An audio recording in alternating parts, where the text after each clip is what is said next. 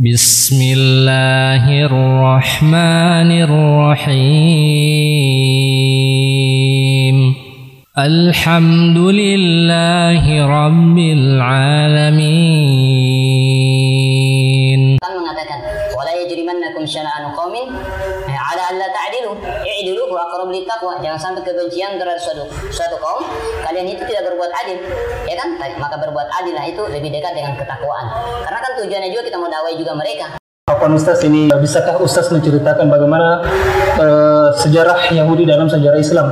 Alhamdulillah wassalatu wassalamu ala rasulillah wa ala alihi wasallam. Dalam eh, masalah Yahudi ini ini perkara yang begitu panjang pembahasannya. Namun bisa kita ringkas dengan beberapa eh, pembahasan. Mungkin tiga atau empat pembahasan eh, tentang hal ini. Nah, pertama kalau mengenai sejarahnya itu panjang dan secara ringkas sejarah tentang orang-orang Yahudi itu dikenal adalah di penamaan sebagai Yahudi dikenal di zaman Rasulullah SAW. Ya, adapun di zamannya Nabi Musa alaihissalam mereka itu dikenal sebagai kaumnya Nabi Musa. Istilahnya kaum Musa atau dikenal sebagai eh? Bani Israel. Ya, Bani Israel atau dikenal sebagai kaum ahlul kitab. Ini yang pertama kalau dalam sejarah secara ringkas. Bagaimana Al-Quran Ustaz menjelaskan tentang orang-orang Yahudi ini? Oh iya, nah. Ringkasnya itu dalam Al-Quran itu dalam surah Al-Fatihah. Itu ringkasnya. Iya. Tapi kalau secara umum ya Al-Quran menjelaskan juga tentang mereka. Banyak dari dalil. Tapi secara ringkasnya dalam surah Al-Fatihah mereka itu dijelaskan ringkas dalam surah Al-Fatihah ghairil maghdubi alaihim waladdallin.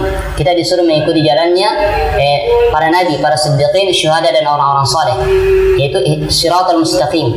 Ghairil maghdubi alaihim waladdallin. Bukan jalannya orang yang dimurkai, bukan pula jalannya orang-orang yang tersesat. Nah, itu ringkasnya. Nah, ini ditafsirkan oleh Rasulullah Shallallahu Alaihi Wasallam ya dalam hadis-hadisnya seperti hadisnya Ali bin Hatim ya tentang kisah Islamnya.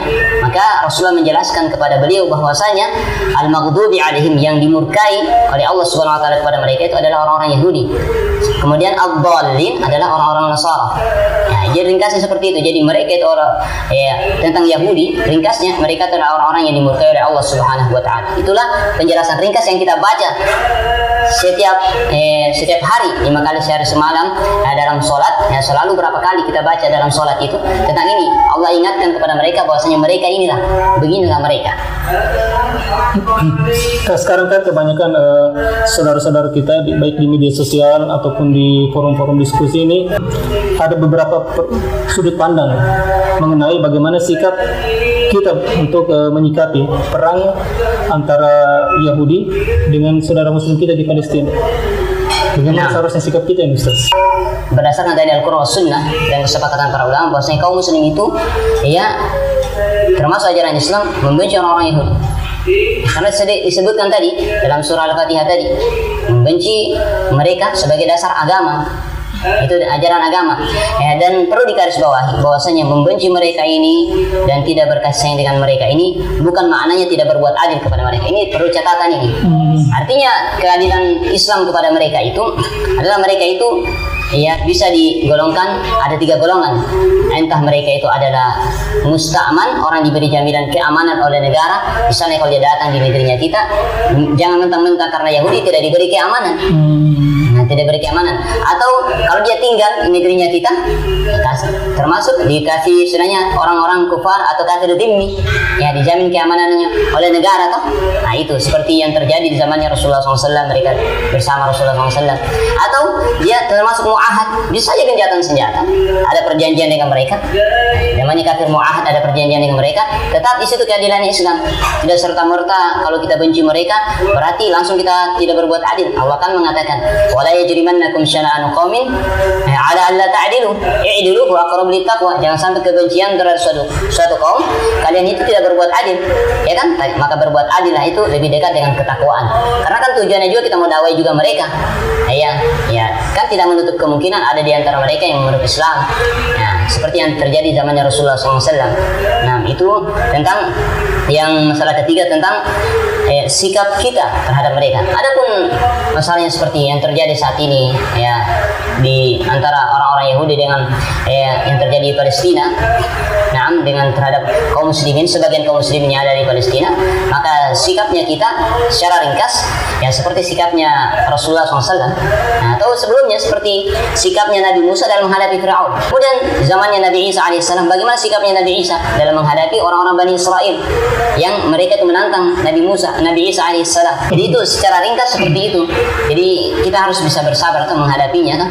Karena itu butuh waktu yang lama dan itu yang Allah sudah tetapkan dalam Al-Quran bahwasanya mereka itu begitu.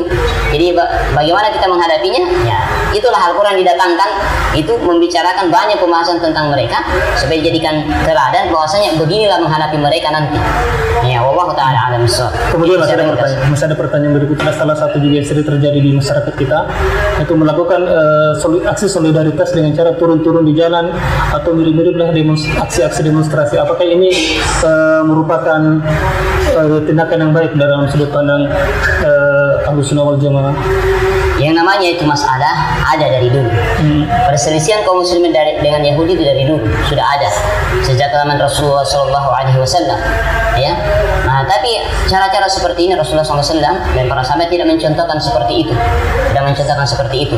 Ya mungkin sebagian kaum muslim menganggap itu sebagai solusi, tapi mungkin kalaupun dianggap sebagai solusi, ya tidak begitu besar pengaruhnya, yang tidak begitu besar pengaruhnya untuk istilahnya melemahkan mereka. Nah, jadi bagusnya kita memakai cara-cara yang sudah ditempuh oleh Rasulullah SAW, para sahabatnya, para tabi dan tabiut tabiin, sudah mereka itu sudah kaum dari dulu, ya sudah berlalu waktu tentang mereka dan sudah berlalu sejarah-sejarah dari Nabi Muhammad SAW, orang-orang terdahulu bagaimana menghadapi mereka. Uh, semoga ini merupakan pencerahan yang bisa uh, meredam beberapa perbedaan sudut pandang antara saudara-saudara kita di Indonesia. Syukur jasa Allah